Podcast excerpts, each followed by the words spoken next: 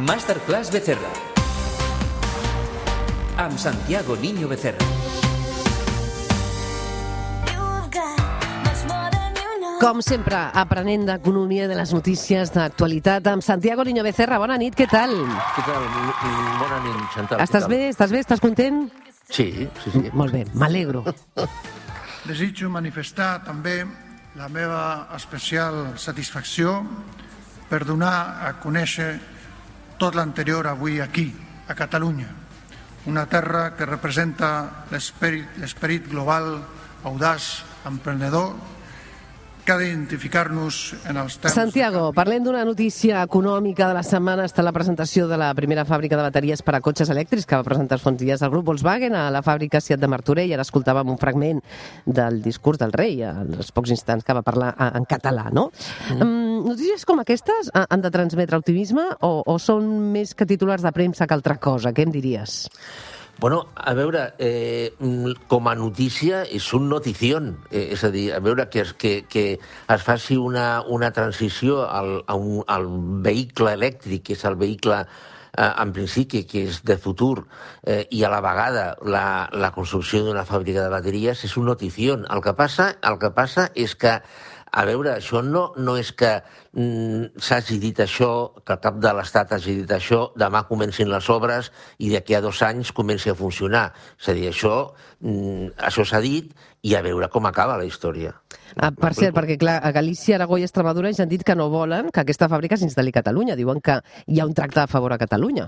Bueno, a, a veure, aquests senyors mm, jo crec que comen, tindrien de començar a dir, Galícia, per exemple, que les autonomies que, que aporten més del que reben, com Catalunya i Balears, eh, Galícia està rebent cada any el 8,19% del seu PIB, eh, Aragó a l'1,83% i Extremadura al 17,58%. Eh, de, cada any, eh, del seu PIB. Eh, És a dir, que si parlen, que parlin de tot, eh? Uh -huh. Molt bé, doncs veurem què passa. Continuem. Although my heart is falling too,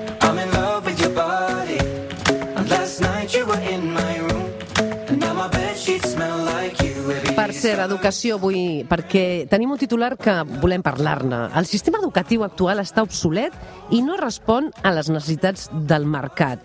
Explica'm aquest tema perquè sí que tenim ara mateix estudiants enfadats amb, amb la pandèmia i el que ha passat i el sistema educatiu l'haurem de canviar, Santiago?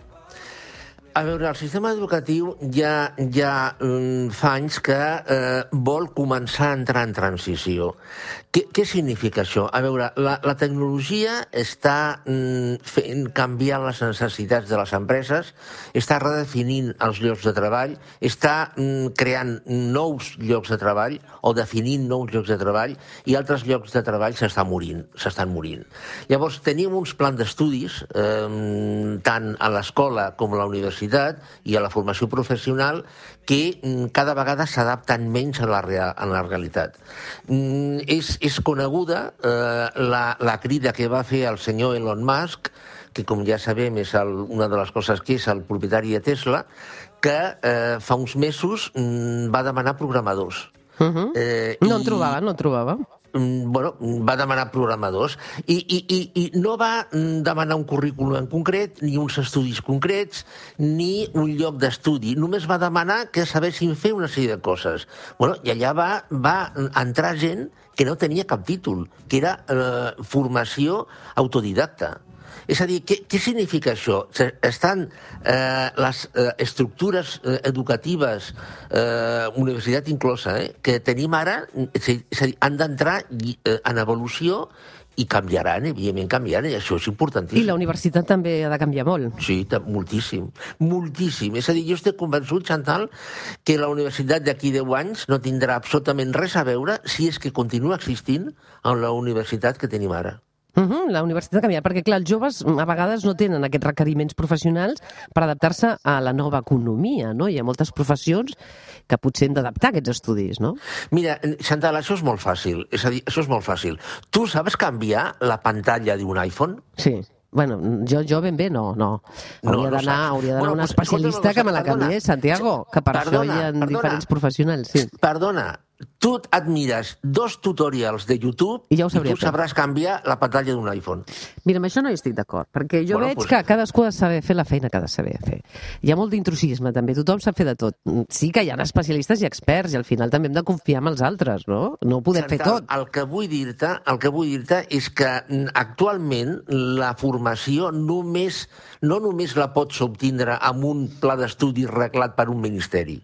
Hi ha molts llocs on pots trobar informació, moltíssim. Sí, una cosa és trobar mm, informació, però jo crec que tothom també ha de ser professional, no? Bé, amb això no estic del tot d'acord amb el Santiago, però segur que parlarem d'aquest canvi del sistema educatiu, no riguis? Perquè parlem de l'atur i ens hem de posar seriosos, Santiago, perquè, clar, Sí. notícies com la que comentàvem ens fa pensar que poden augmentar els llocs de treball, però moltes previsions diuen que el panorama és ben fos, diuen que l'atur de llarga durada augmentarà. Ho veus així?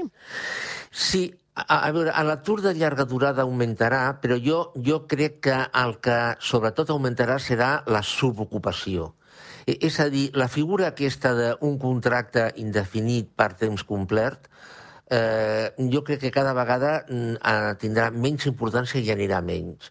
Eh, és a dir, mm, a les persones jo crec que es contractaran cada vegada més per fer feines en concret, en moments concrets, en llocs concrets. Això no significa que estiguin mal pagades mm, eh, necessàriament, eh? és a dir, no, no, no, que va, que va.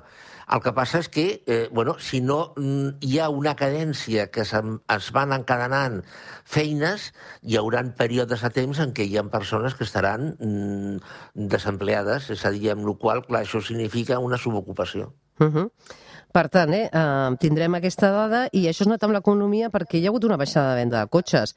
Eh, de fet, no, eh, llegia fa uns dies que mm, criden, eh, les empreses compren més cotxes que els particulars. De fet, que comprin més cotxes les empreses que els particulars, quina lectura econòmica també en fas, Santiago?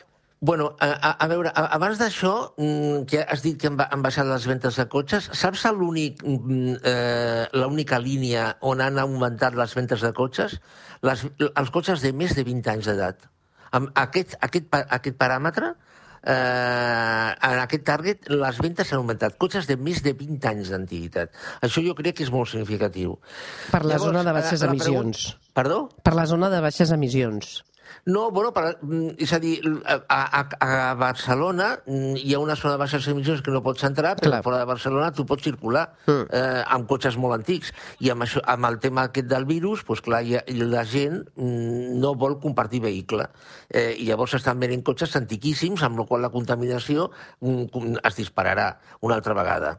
La teva pregunta concreta, què significa que les empreses estiguin comprant més vehicles que els particulars? Bueno, pues significa que els particulars eh, les persones fí- físiques, mm, per tema de renta, per tema de teletreball, per mm, que eh, es belluguen menys, etc etc, compren, estan comprant menys cotxes. Eh, I les empreses de lloguer mm, de cotxes, vehicles de representació, etc etc, encara que també han baixat, en proporció estan comprant més. Això és una cosa que és molt atípica, eh? molt atípica. Uh -huh. uh, Déu-n'hi-do, no? Una economia com l'espanyola en què l'automoció té un pes tan gran, no? que baixin les vendes vol dir que la cosa eh, està fotuda. Mm, sí, és a dir, la- l'automoció a Espanya mm, ha- s'ha de tenir en compte que en condicions normals, de cada 100 cotxes que es fabriquen a Espanya, s'exporten 90 i 10 es queden aquí a dins. Mm. És a dir, si mm, la, el percentatge de cotxes que s'exporta puja i pot absorbir la davallada de ventes a l'interior, per a la indústria de l'automòbil, en principi li és igual. És a dir, a SEAT, per exemple, li és igual vendre Ibizas a mm, França que vendre'ls aquí eh, en principi. El que passa és que, clar, és molt dolent perquè en, en relació amb tots els vehicles que es venen a, Espanya hi ha una indústria paral·lela, des de benzineres a bars, passant per companyies d'assegurances, etc etc. Uh -huh. Per cert, per acabant, eh? retallades d'ajudes de la Unió Europea. Eh, a sobre que n'hem parlat, ara eh, ens diuen que si continua augmentant el dèficit públic, la Unió Europea podria retallar les ajudes. Després de publicitar tant aquestes ajudes, ara potser no arribarà tot el que s'ha dit, Santiago? Bueno, a veure, Chantal, si tu recordes, quan vam parlar dels famosos eh, fons, eh, fons, eh, fons europeus, Sí. els 140.000 milions, Sí. etc etc, van comentar, bueno, però a canvi de nada, és a dir, a veure, que, que, que et regalin diners, això no, no, No, això no és lògic. Amb la qual clar, ara, ara ha sortit la lletra petita. És a dir, sí, eh, hi ha els diners, però vostès, a Espanya, han de complir eh, els seus compromisos de dèficit, han de fer les reformes de pensions que han de fer, eh, la despesa pública l'han d'adequar a les seves necessitats. bueno, clar, la lletra petita. És a dir, i, i, si no ho fan, Clar, retallarà la Comissió Europea retallarà un 25% si els Exacte. governs no adopten aquestes mesures eh, Exacte, de retallar el dèficit públic. de, de fet és una sanció, eh? encoberta, és una sanció, o una obligació, vaja.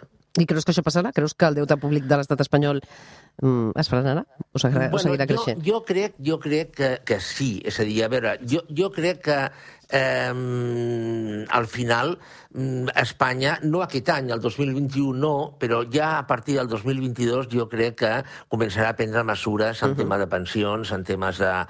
ah, Hi haurà pujades d'impostos, eh, etc etc. Jo crec que sí. Déu-n'hi-do. Bé, Santiago Niño Becerra, com sempre, un plaer escoltar-te. El Revolució ve dos cops al mes, al Santiago, sí. i estem molt contents que sigui així. I espero que, mm, que aviat t'expliquem ja bones notícies, Santiago. Molt bé. No riguis, clar que sí. Una abraçada. Gràcies, bona nit, Chantal.